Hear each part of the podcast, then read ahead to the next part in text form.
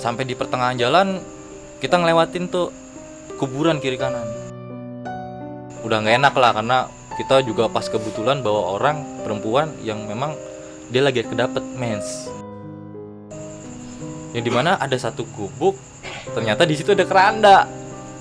Keranda mayat Halo guys, baik lagi di Lentera Malam bareng gue Adit. Sekarang kita lagi ada di segmen Saksi Misteri nih. Gue udah kedatangan tamu spesial yang udah lu tunggu-tunggu nih. Dia mau cerita pengalamannya saat mendaki gunung. Yaudah sebelum dengar ceritanya kita kenalan dulu sama narasumbernya. Topan, apa kabar? Oke, Bang. Baik, alhamdulillah bang. Boleh lah, kenalan dulu lah. Oke, perkenalkan nama gua Muhammad Tovan Riki Diwinto.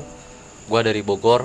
Nih datang ke Jakarta karena ada undangan dari Lentera Maram. Sedikit-sedikit lah kita cerita perjalanan gua naik gunung sih. Oh iya, lu ada yang mau dipromoin gak nih sama teman-teman? Oh iya, sebelumnya kebetulan gua pakai branding eh, traveling gua sama rekan-rekan yang lain, Moving Together Adventure, yang di mana kita eh, konsepnya itu family trip bang.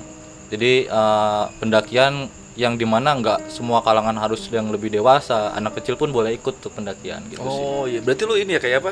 IO tapi lebih dominan ke pendakian-pendakian ya? Ah, ah, lebih ke Oh, pendakian, sama pendakian. family trip juga Sama sama family trip. Lu ada cerita apa nih Pan? Yang mau lu ceritain nih? Ah, sebelumnya gue mau cerita pengalaman pertama gue lah bang. Pertama gue naik gunung ah, di suatu tempat di wilayah Garut sih. Di daerah Garut Ah, ya? Daerah Garut. Oh ya lah. Biar nggak kebanyakan cincong sebelum dengar ceritanya kita tonton dulu yang satu ini.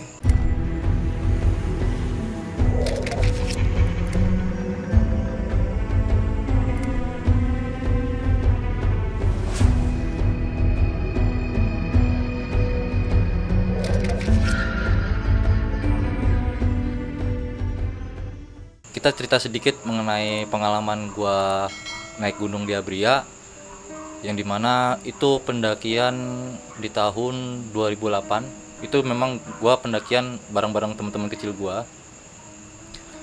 Kita dari Jakarta itu perkiraan di bulan Agustus sampai di sana sehari lah perjalanan naik bis prima jasa kan kita jalan ke sana sampainya di Lewo wilayahnya daerahnya Lewo nih bang ceritanya jadi kalau di Garut itu nama Lewo itu orang bilang Garut coret. Jadi eh, nggak banyak orang yang tahu wilayah Lewo. Cuma eh, setelah Malangbong posisinya dia. Kebetulan di sana ada tempat lah teman kecil saudara. Lebih tepatnya ke- lebih ke saudara jauh ya kan? Itu gua posisi lagi libur sekolah lah dulu. Zaman zaman masih sekolah SMA lah Pas gitu. SMA masih nih ya? SMA itu bang. Iya, iya. masih SMA jadi eh, awalnya sih kita cuma pengen refreshing posisi dari Jakarta pengen main ke daerah Lewo cuma pengen refreshing gitu ke kampung orang gitu kan Iya, iya, iya. Nah, pada satu seketika eh, memang basically temen gua kecil tuh memang anak gunung juga posisinya. Cuma memang nggak terlalu fanatik lah gitu. Jadi doi pernah jalan ke daerah eh, pegunungan cuma sih lebih tepatnya itu bukit sih orang bilangnya bukit. Cuma orang sananya lewonya sendiri pun bilang itu gunung. Nah, nama gunungnya apa? Itu Abria namanya, Bang. Baru denger gue tuh. Ah, Abria. Memang orang nggak nggak banyak kenal wilayah itu karena memang itu tempat yang nggak pernah dijamah sama orang. Jadi gua pendakian eh, barengan sama yang lain karena basically gua dulu pertama kali pendakian jadi gua masih belum tahu tuh eh, apa aja sih peralatan-peralatan yang harus kita bawa pada saat pendakian gitu kan Iya. jadi kita cuma dulu bermodalkan senter sama golok pada saat ke sana. Dan itu pun pembekalan yang kita bawa cuma hanya sebatas dua hari. Memang rencana kita dua hari lah di sana. Jadi ngetrek pagi, besoknya udah pulang. Kita mulai packing-packing dulu lah ya kan di rumah, packing-packing, kelar packing, mulai kita start itu jam 7, 7 pagi start. Kita ngelewatin beberapa jalur di sana dari rumah ngelewatin daerah pasar-pasar di Lewo itu masuk daerah pemukiman lagi. Dari pemukiman kita nemuin tuh jalan. Cuma jalannya itu kita ngelewatin rel kereta. Ada akses rel kereta dari biasanya itu dari eh, Malangbong arah ke daerah Tasik lah itu jalur keretanya. Kita lewatin tuh jalur kereta gua kira posisinya itu kayak pendakian pada umumnya lah gitu kan yang di mana ngetreknya lebih banyak di tanah apa segala macam akhirnya wah pengalaman baru nih ya kan jauh lagi jalannya. Dari rel kita masuk lagi ke daerah pemukiman. Masuk ke pemukiman kita ngelewatin lagi tuh wilayah wilayah danau gitu kan. Sempet lah kita mandi-mandi dulu sebelum naik lagi ke atas karena kan posisinya juga masih pagi kan. Iya, iya. Posisinya masih pagi kita mandi-mandi dulu tuh di danau kelar kita dari danau tuh bisa dua jam kita mandi di sana main-main lah gitu kan baru kita mulai lagi ngetrek sekitar jam 10-an jam 10-an kita ngetrek sampai di eh, perbatasan ada batu besar yang di mana orang sana tuh bilang itu batu awalnya eh, dari atas puncak jatuh ke bawah Oh iya. iya. dan eh, hal misterinya itu adalah ternyata pada saat gua posisinya di atas batu itu ada salah satu orang yang kependem di bawah batu itu. Terus teman gua ngomong pada saat gua udah di atas Pandu jangan di situ. Kenapa? Itu ada orang di dalam situ. Emang batunya besar banget bang. Itu buat dihancurin pun butuh waktu lama gitu kan. Gua permisi akhirnya kita mulai lagi jalan. Sampai di pertengahan jalan kita ngelewatin tuh kuburan kiri kanan itu udah mulai masuk eh, perhutanan tuh di situ tuh wilayahnya. Udah masuk hutan sampai perjalanan hutan dari eh, tempat batu gua singgah sebelumnya itu ada sekitar 3 jam sampai 4 jam perjalanannya. Itu kalau orang bilang itu kita baru masuk ke tingkat ketiga wilayah jalur untuk masuk ke eh, tempat pendakian ke Abria. Pada saat eh, kita jalan kita ngetrek lagi sampai tiba di eh, tebingan. Jadi memang bener-bener kita tuh naik gunung rintangannya macem-macem bang. Iya. dari mulai jalur kereta segala macam akhirnya kita masuk ke sekelarnya kita dari kuburan kita ketemu tebingan. Wah awalnya bingung kan. Wah ini gimana naik gunung kan? Kita ngelewatin tebingan juga kan. Akhirnya modal nekat lagi lah. Naik cuma bermodalkan alat seadanya kita ngetrek lagi ke eh, jalur keempat. Itu posisinya ada di atas tebingan. Ketika eh, itu posisi jamnya juga udah jam 2 perjalanannya. Jadi sekitar dari jam 10 ke jam 2 itu ada sekitar 4 sampai 5 jam lah ya berarti kan. Sampai di sana kita ngebreak lah. Makan-makan dulu karena lapar kita kita orang ya kan. Isi amunisi lah. Jam sekitar jam tiga setengah empatan kita mulai ngetrek lagi dan itu masuk ke dalam sana itu jalur udah setapak terus tuh. Setapak setapak setapak. Akhirnya kita temu daerah wilayah curug di sana ada curug ternyata. Kita sempat diam dulu dari situ. Itu udah mau menjelang maghrib sebenarnya. Memang hawa di sana tuh udah udah macem-macem bang. Udah nggak enak lah karena kita juga pas kebetulan bawa orang perempuan yang memang dia lagi kedapet mens. Jadi resiko tuh sebenarnya cuma karena kepalang kita udah di atas mau nggak mau kan kita harus kelarin. Kira kita mulai lagi masuk ketemulah gubuk satu gubuk. Awalnya gua nggak tahu itu gubuk apa. Ternyata pada saat temen-temen gua ngejelasin ini rumah kuncen. Gitu.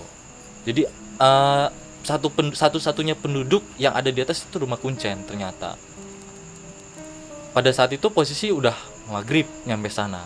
Akhirnya kita tadinya juga mau langsung jalan cuma eh, sama penduduk sana sama temen gue yang ngebawa dari sana bilang kita harus ngecamp dulu di sini. Loh gue tanya kenapa dong? Kalau memang biasanya pada umumnya kan orang naik bisa langsung puncak lah ke malam gitu kan. Mhm. ini gue harus stop dulu di situ. Ternyata temen gue bilang ya memang itu udah aturan di sini. Gitu. Udah aturan di sini kita harus ngecamp dulu di rumah kuncen oke akhirnya kita ngecamp di rumah kuncen. Sembari kita ngobrol-ngobrol tuh di sana. Ternyata hal mistis yang yang sangat menegangkan buat gue itu adalah ternyata ada sosok tiga yang memang sangat ditakuti lah di sana. Pertama itu adalah eh, nenek-nenek nyiri. Kedua itu adalah mata si kurilin. Ketiga itulah kucing di atas puncak gunung Jadi itu mistis-mistisnya di sana yang memang udah orang percayai di situ. Urban legendnya situ lah. Ah, ah. makhluk-makhluk itu ada di gunung itu. Ah, ah, ada di gunung itu ya kan? Cerita panjang lebar akhirnya kita istirahat lah kelar cerita. Istirahat istirahat. Cuma posisinya gua nggak bisa istirahat tuh posisinya karena eh di sana ada pernah eh, kandang kambing yang ngebuat gua akhirnya nggak bisa tidur karena keberisikan itu. Cuma sembari perjalanan gua nggak bisa tidur itu akhirnya banyak yang gua lihat. Yang ngeganggu lah ngeganggu pikiran gua penglihatan gua. Nah temen gua di dalam gue di luar di teras. Emang kecil bang. Tepatnya bang. Kecil banget. Itu kita 12 orang aja ngepres lah di situ. Jadi kita numpuk jadi satu sebagian di dalam sebagian di luar. Nah pada saat gua lagi mulai ngobrol-ngobrol sama temen gua ada satu sosok lah yang nyambangin gua di situ. Gua pikir ada yang bermasalah nih ternyata pada saat itu juga gua ngedengar suara berisik di dalam. Ternyata itu bukan teman-teman gua bang. Jadi pada saat gua lihat temen-temen gue tuh posisi udah pada tidur. Terus gue bertanya wah ada apaan nih? Akhirnya kebangunlah temen gua cerita. Pan gue belum bersihin pembalut gua. Lalu taruh mana? Gue bilang gitu kan.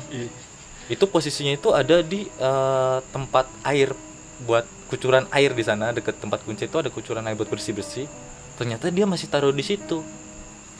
Akhirnya kan mengundang makhluk-makhluk itu untuk datang kan? Iya, iya, iya. wah gue bilang ini gimana nih? Gue datang udah. Yang macem-macem dilihat kan? Parno juga bang. Dulu kan pertama-tama gue naik gunung terus ngeliat yang macem-macem gitu kan?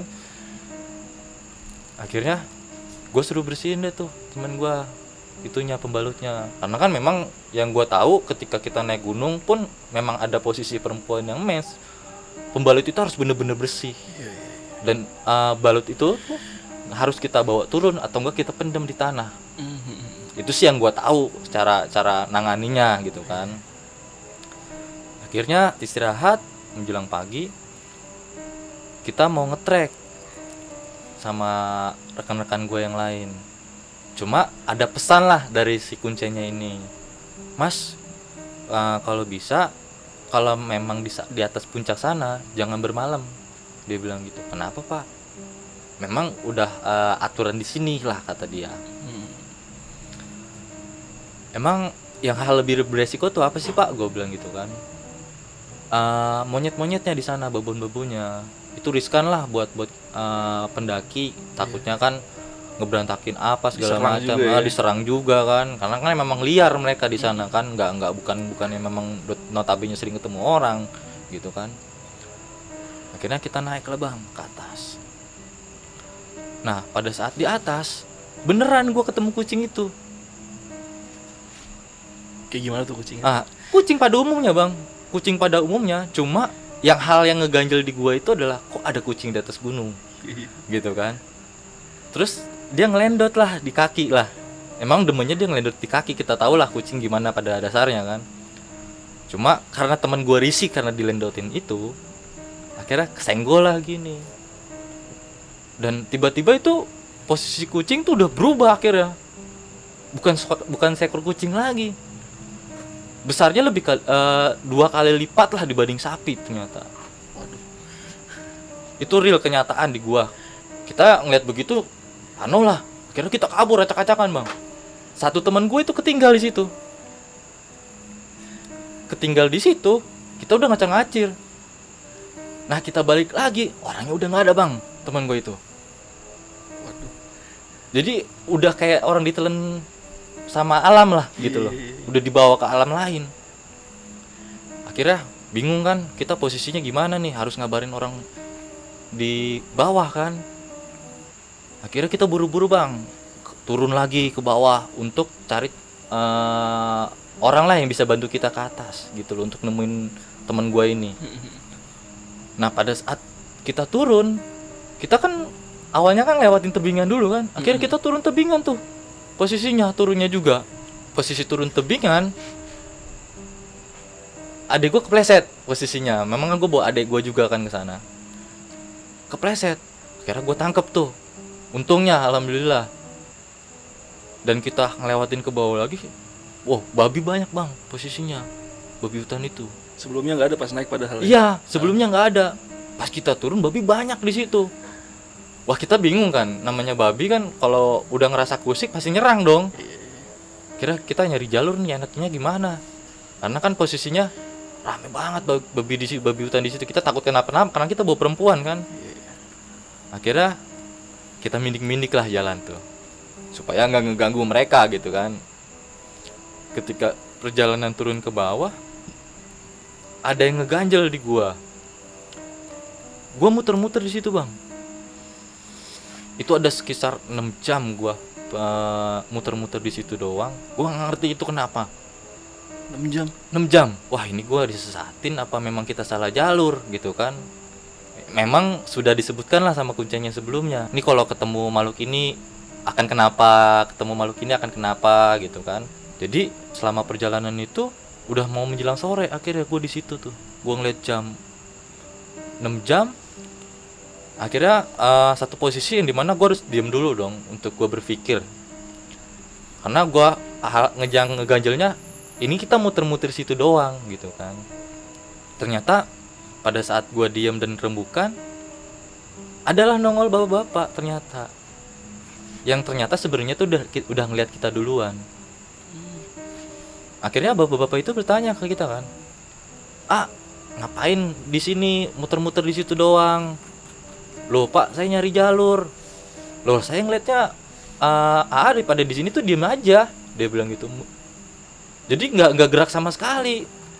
Loh nggak gerak gimana ya kan kita pada bilang gitu kan aneh gitu kan. Kita udah muter-muter situ pak. Udah 6 jam saya berdiri di sini apa udah muter-muter wilayah ini. Cuma ketemu jalur. Emang adik tujuannya mau ke mana? Saya mau turun ke daerah Lewo pak. Kalau boleh tahu ini kita posisi di mana ya pak? Saya tanya dong akhirnya sama sama bapak-bapak itu. Ini wilayah daerah Malangbong. Wah jauh dong dari Lewo ya. Karena udah beda kecamatan ternyata bang. Gue masuk daerah-daerah wilayah kecamatan Lewo tiba-tiba udah masuk ke daerah Malangbong terus gue tanya akhirnya yaudah pak kita mau turun ke daerah situ gimana caranya? Oh bapak ikutin jalur ini aja. Ntar ketemu pemukiman bapak tanya lagi kata si bapak-bapaknya itu kan. Yaudah.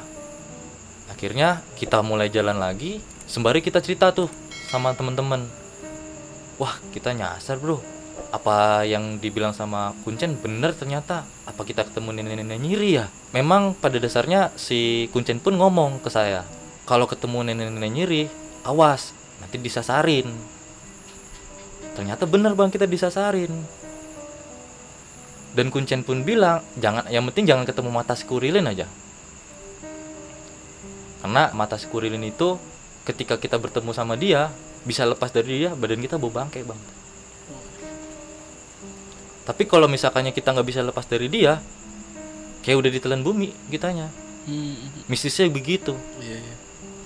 akhirnya perjalanan lagi malah udah mau menjelang maghrib lagi kita sampai posisi di pesawahan. Yang di mana ada satu gubuk ternyata di situ ada keranda. Keranda mayat. Wah makin horor kan. Gua ketemu jalan istirahat di satu tempat yang lokasinya itu ada keranda, keranda mayat. mayatnya itu.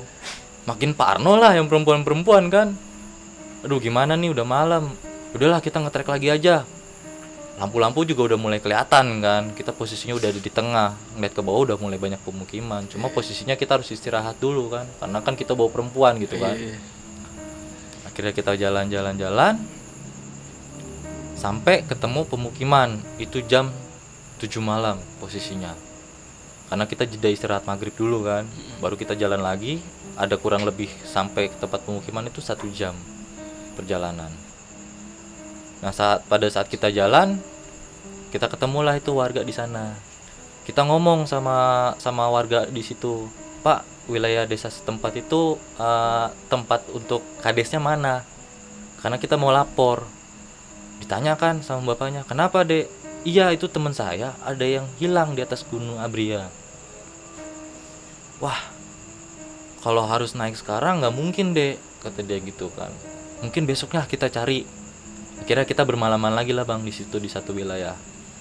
Gue lupa sih nama-nama desanya itu apa cuma memang wilayah daerah Malangbong posisinya. Ah.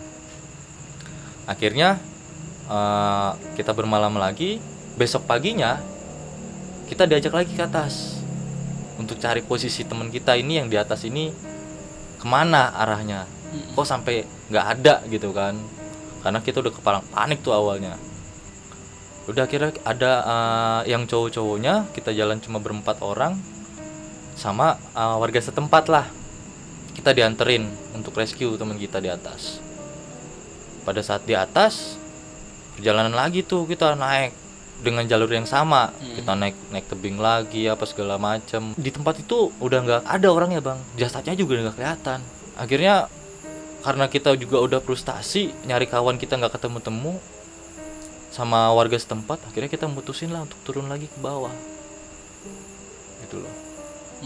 Nah pada saat mutusin ke bawah mau nggak mau kita harus ngabarin dong keluarganya. Akhirnya dari atas kita turun lagi ke bawah ke pedesaan akhirnya kita diantar lah sama kades di sana untuk sampai tempat jalan utama daerah Malangbong untuk kita pulang ke daerah Lewo. Iya, iya. Wah gitu kita nyarter nyarter bang. Sendal udah pada aura-auran lah kita selama pendakian karena cuma bermodalkan setelah sama golok gitu kan karena memang pendakian pertama lah pengalaman kita nggak ada sama sekali gitu Tenda pun nggak bawa ya. nggak bang. Nggak bawa. Memang notabene kita cuma pendakian asal-asalan lah dulu kan notabene.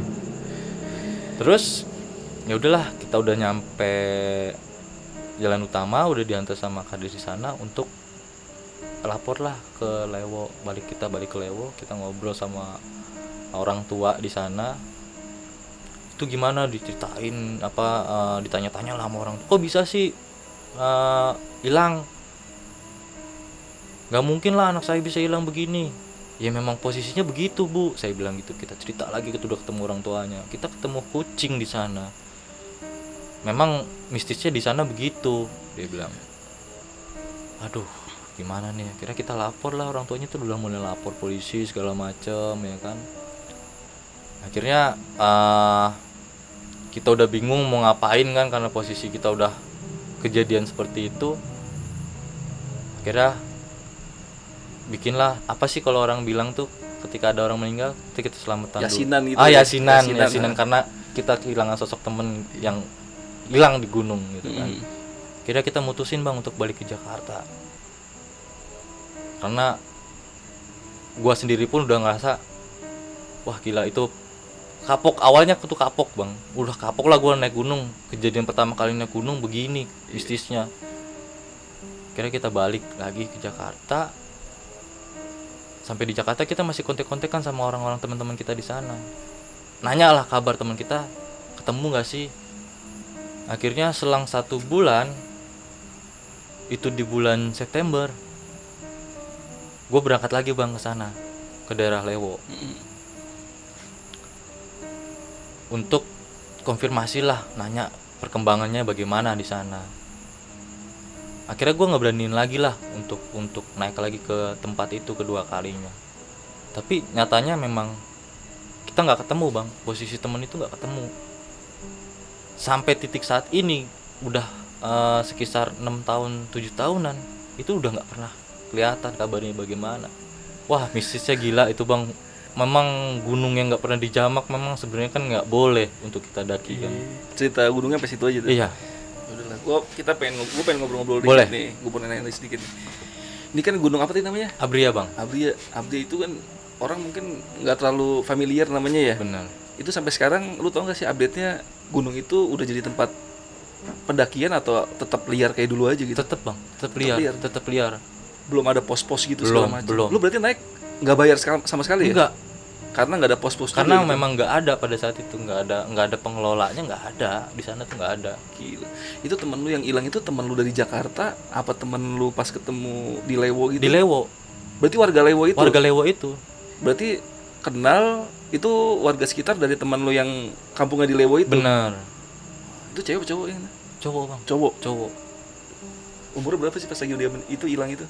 Wah itu sekitar 17-an lah bang 17-an. 17-an 18-an Berarti lah. sama kayak lu, lu kan SMA SMA itu ya, Iya. nggak jauh ya umurnya nggak jauh semua jauh ya. sepantaran semua itu Cowok juga. Itu kan lu pas berangkat kan lewat jalur kayak rel kereta, Mm. danau. Berarti itu semua itu rel kereta danau tuh masih di bawah semua. masih di bawah Lu jalan kaki semua tuh dari situ. Jalan kaki, Nggak ada kendaraan sama sekali. nggak ada Anjir. Berarti kayak Semeru gitu ya treknya panjang banget ya. panjang bang Ah, padahal itu sih gunungnya tuh nggak nggak tinggi Iya iya. cuma iya. yang bikin lama itu trek jalur untuk ke sananya perjalanan ke sananya itu ya. bener Karena nggak ada kendaraan ya. bener bang Gila. Terus kan yang batu, batu itu gunungnya gunung buk, orang bilang kan banyak bilang bukit ya. Mm-mm. Tapi ada yang bilang juga gunung kan. Mm-mm. Itu gunung bentuknya kayak gimana sih? Ada kawahnya atau nggak ada gitu? enggak dia cuma ada curugnya doang sih di sana Ada curugnya. ada curugnya di daerah wilayah Abria itu Batunya itu berarti batu dari atas batu dari tebingan itu tahun kapan tuh? Pas jatuhnya? Apa Ka- udah lama banget itu? Eh, teman gue sih bilang itu sekitar tahun eh, masih tahun 90-an tuh jatuh di situ. 90-an? Iya. Dan mitosnya ada orang yang ketiban di situ. Ketiban di situ. Jadi pada saat runtuhnya eh, batu eh, di te- tebing itu, batu jatuh pas posisi orang ada warga salah satu warga yang posisinya ada di situ. Akhirnya dia juga nggak lihat mungkin ya posisi Iya, iya, iya. posisi batu jatuh itu. Akhirnya ketimpa lah sama batu itu, Bang. Berarti ke- kemungkinan mayatnya nggak diangkat ya? Enggak, Karena, batunya gede banget. besar banget batunya itu. Berapa meter sih kira-kira sih ukurannya? Wah, segini lah, Bang, batunya, Bang. Lebar juga. Iya, lebar. Gila. Itu pun masih orang kita juga naiknya juga dibantu sama temen. Iya iya iya. iya. Itu sempat foto-foto nggak di situ gitu? Wah, belum zaman gadget bang Belum gua, gadget belum ya? pegang-pegang gadget buat zaman-zaman segitu tuh. Anjir. Terus lu kan abis dari batu itu nggak lama ketemu kuburan tuh. Mm-mm. Itu kuburan masih kuburan yang terbengkalai lama apa masih aktif dipakai warga sih? Masih aktif dipakai warga. Masih diaktif Karena dipakai kan warga? setelah gua ngelewatin batu itu, memang gua ketemu pemukiman dulu di sana. Oh, oh abis batu masih ada pemukiman Masih ada dulu. pemukiman dulu. Tapi sedikit apa enggak warganya tuh? sedikit bang, Sedikit banget. karena kan itu udah udah masuk perhutanan soalnya. Iya iya iya. Jadi cuma memang orang-orang untuk berkebun aja sih yang tinggal-tinggal di sana. Akses buat ke kotanya jauh juga ya. Jauh, Jalan kaki semua. jauh. Jalan Terus kaki yang, semua. yang tebing itu, tebing itu kan lu tebingnya itu tebing batu apa tebing kayak gimana sih? Tebing batu bang, Tebing batu tapi bisa di masih bisa masih bisa dipanjat, gitu. masih bisa dipanjat. Oh, nggak perlu pakai tali masih bisa tuh. Masih. Anjir. Terus abis abis dari itu kan lu ketemu curug. Curugnya terkenal gak sih apa um, cuma orang-orang sekitar aja yang tahu gitu? Cuma orang-orang yang sering main di situ aja sih yang tahu. Berarti lu pas naik situ sepi banget ya? Sepi bang, Nggak ada nggak ada tim-tim lain Nggak sama ada. sekali. nggak ada karena memang orang nggak orang tempat itu bukan tempat yang memang biasa di pendakian orang. Iya iya iya. Sampai sekarang pun masih liar masih, ya. Masih liar. Itu curugnya gedenya apa bagus atau apa, apa biasa kan ada kalau di gunung itu kan ada curug-curug yang emang bagus, ada juga curug yang cuman kayak tersembunyi di selip-selipan pohon-pohon gede gitu. Ada eh, posisinya itu deket sama pepohonan pinus di sana. Masih rimbun banget situ. Masih rimbun orang kita juga ngelewati jalur itu harus buka jalur kok. Iya, makanya bau golok itu ya. Bogolok itu karena aksesnya kita nggak ya nyari sendiri akses buat naik ke Iya, atas. iya, iya. Cuman jalan setapaknya masih lumayan kelihatan Masih gitu. lumayan kelihatan. Masih Cuma lumayan karena rimbun itu kan mau nggak mau kan kita Buka jalur buka juga. ya. jalur juga di sana. Terus kan kuncennya ketemu abis dari air terjun tuh kan ketemu rumah kuncen tuh. Mm-mm. Itu kuncennya lu ada kuncinya di situ, ada orangnya. Ada, ada. Udah tua atau gimana sih perawakannya gitu?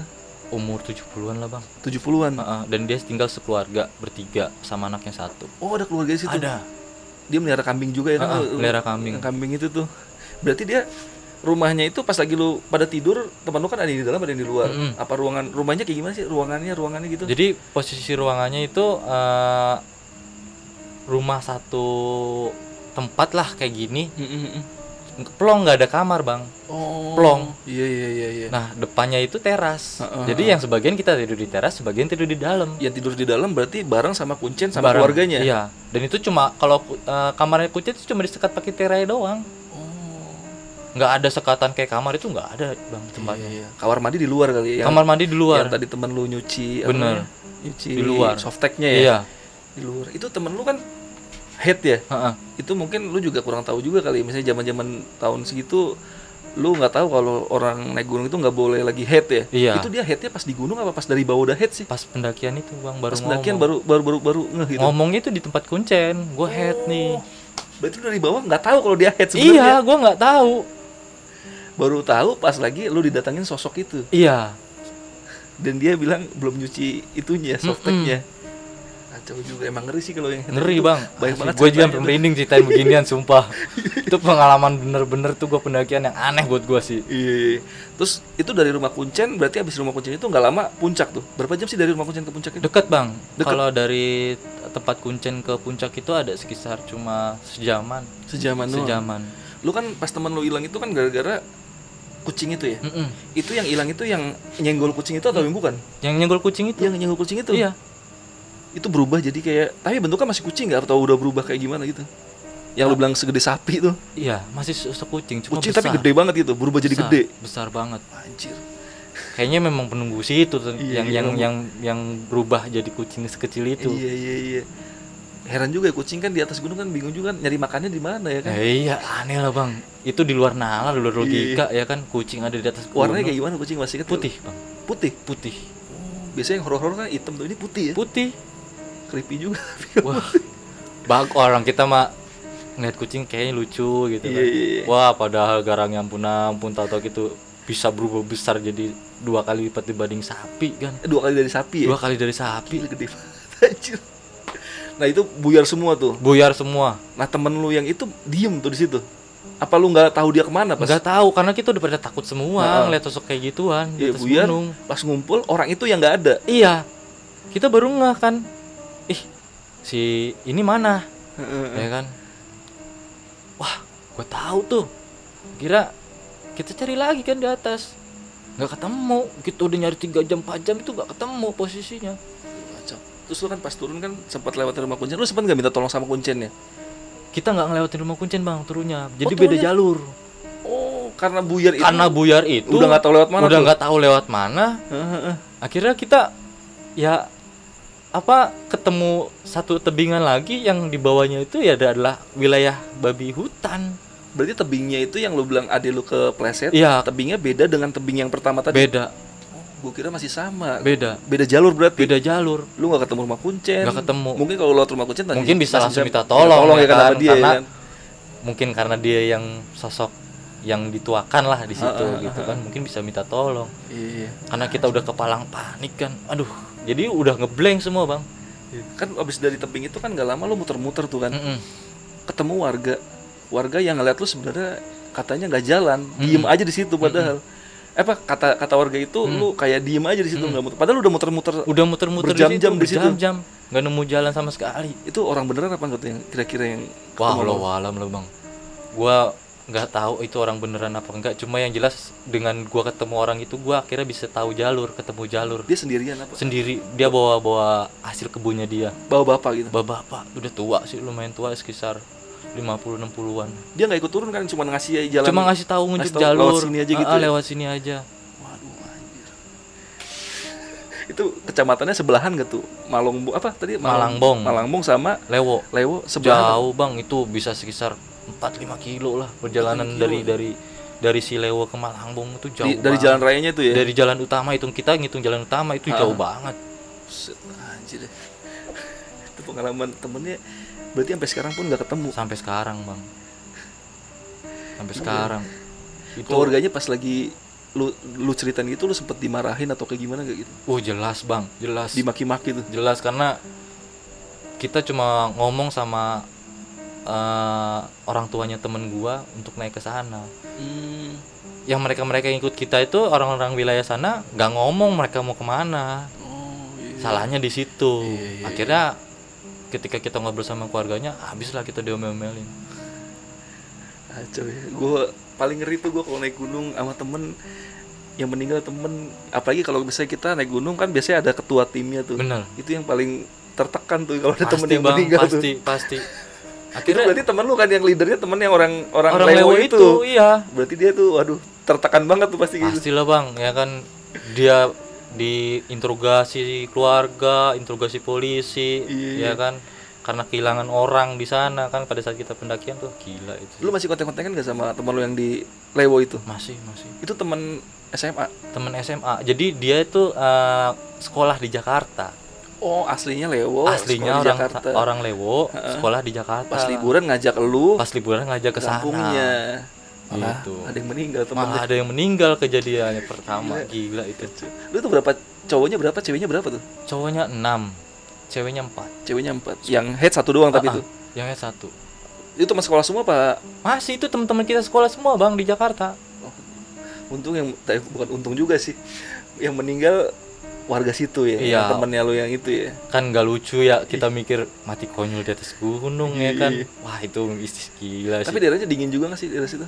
Dingin bang Dingin juga? dingin Mungkin teman-teman kalau mau yang ekstrim ekstrim coba naik gunung itu. Wah, gua sih gak nyaranin lah. Jangan Untuk- sampai, jangan. jangan sampai lah. Karena setelah kejadian itu akhirnya ngepacu gua untuk mempelajari gimana sih sistem gunung Oh iya. gitu loh. Biar ke depannya lebih prepare segala macam. Benar, ya. Iya. benar. Makanya eh, pada saat gua udah mulai masuk kerja terus masuk lagi dunia perkuliahan akhirnya gua gelut lah di salah satu organisasi yang memang berkecimpung di alam Oh iya, pecinta alam gitu. cinta alam gitu Iya. Akhirnya dari situ-situlah bang udah mulai gimana sih pelajarin cara pendakian terus manajemen perjalanannya harus seperti apa manajemen logistik Iya iya iya. ya kan Terus lu tau nggak update terakhir atau mungkin mayatnya ketemu atau benar-benar hilang sama sekali? bener hilang sama sekali di telan bumi sih kalau itu. Dulu kita sebelum selesai dulu ada pesan-pesan yang mau disampaikan ke teman-teman nggak nih? mungkin sih kalau untuk eh, orang-orang yang denger cerita gua ini gua saranin jangan sampai lah main-main ke tempat yang begitu. Karena posisinya itu tempat yang memang nggak pernah dijamak sama orang. Kalau bisa janganlah diganggu tempatnya. Itu sih jadi pembelajaran gue ya karena gue pertama kali naik gunung di situ. Makanya next ke depan eh, kalau memang misalkannya mau naik gunung lebih prepare lah. Jangan kayak gua gitu kan. Awalan naik gunung cuma modalkan dulu sama center gitu. Jadi lebih diperhatiin gimana cara memanajemen suatu pendakian gitu sih bang. Mendingan naik gunung ke yang nah terkenal mending aja ah, kali ya. benar benar. Mending naik gunung yang udah orang kenal yang udah kelihatan jalurnya seperti apa mending kayak gitulah. Misal lu ada apa-apa juga masih bisa minta tolong sama pendaki lain ya. benar. Lu naik gunung pendaki nggak ada pendaki sama sekali. nggak ada. Kosong pun. kosong pun. Itu cuma kita satu kloter doang di sana. Gila. Ya. Yaudah nih, Topan, thank you banget nih udah share ceritanya ke teman-teman. Siap, Bang. Gue sekali lagi mau promoin nih. Ini Topan apa namanya? moving together moving, together, adventure, ya. Buat teman-teman yang pengen naik gunung naik gunung bersama keluarga rame-rame ya. Mm-mm. Anak kecil sampai tua di handle semua bisa. bisa bang bisa Kontak-kontak si Topan aja Instagramnya lu Instagram lu apa nih? Eh, Apa lu di Instagram apa website nih? Oh, Instagram sih. Instagram, Instagram. Kalau Instagram Moving Together ya Instagram Moving Together. Heeh, kalau lu Gitu. sendiri? Kalau gue sendiri nama Instagram gue Fans Ricky Official. Oh. Ada garis miring setelah Fans Ricky garis miring baru official. Oh, nanti gua taruh deskripsi lah biar boleh, orang boleh, boleh, boleh. siapa tahu kontak-kontak lu ya. Siap. Sekali lagi thank you banget itu Thank you bang. Nih, wah Udah keren. share-share di sini nih, jauh-jauh dari Bogor. Wah mantap. Sangat antusias sih gue karena pada saat gue di kontak sama orang-orang di dari Lentera Malam tuh, Iya. wah pengalaman lah. Siapa tahu bisa bagi cerita di sini Iya, kan. Seru banget cerita lu nih. Detail banget nih dari awal sampai akhir. Pasti banyak yang suka. Ah, moga-moga bang. Iya. Kalau lu teman-teman pada mengundang-undang lu cerita lagi di channel-channel lain boleh lah ya. Wah boleh, boleh mungkin Kontak-kontak Instagram lu ya? Instagram aja mungkin. Kontak aja lah ya. Udah, thank you banget sekali lagi Topan. Siap bang. Gua dari Lentera Malam bersama dengan Topan. Bye. Ya. Lu jangan nge-miss subscriber lagi lu.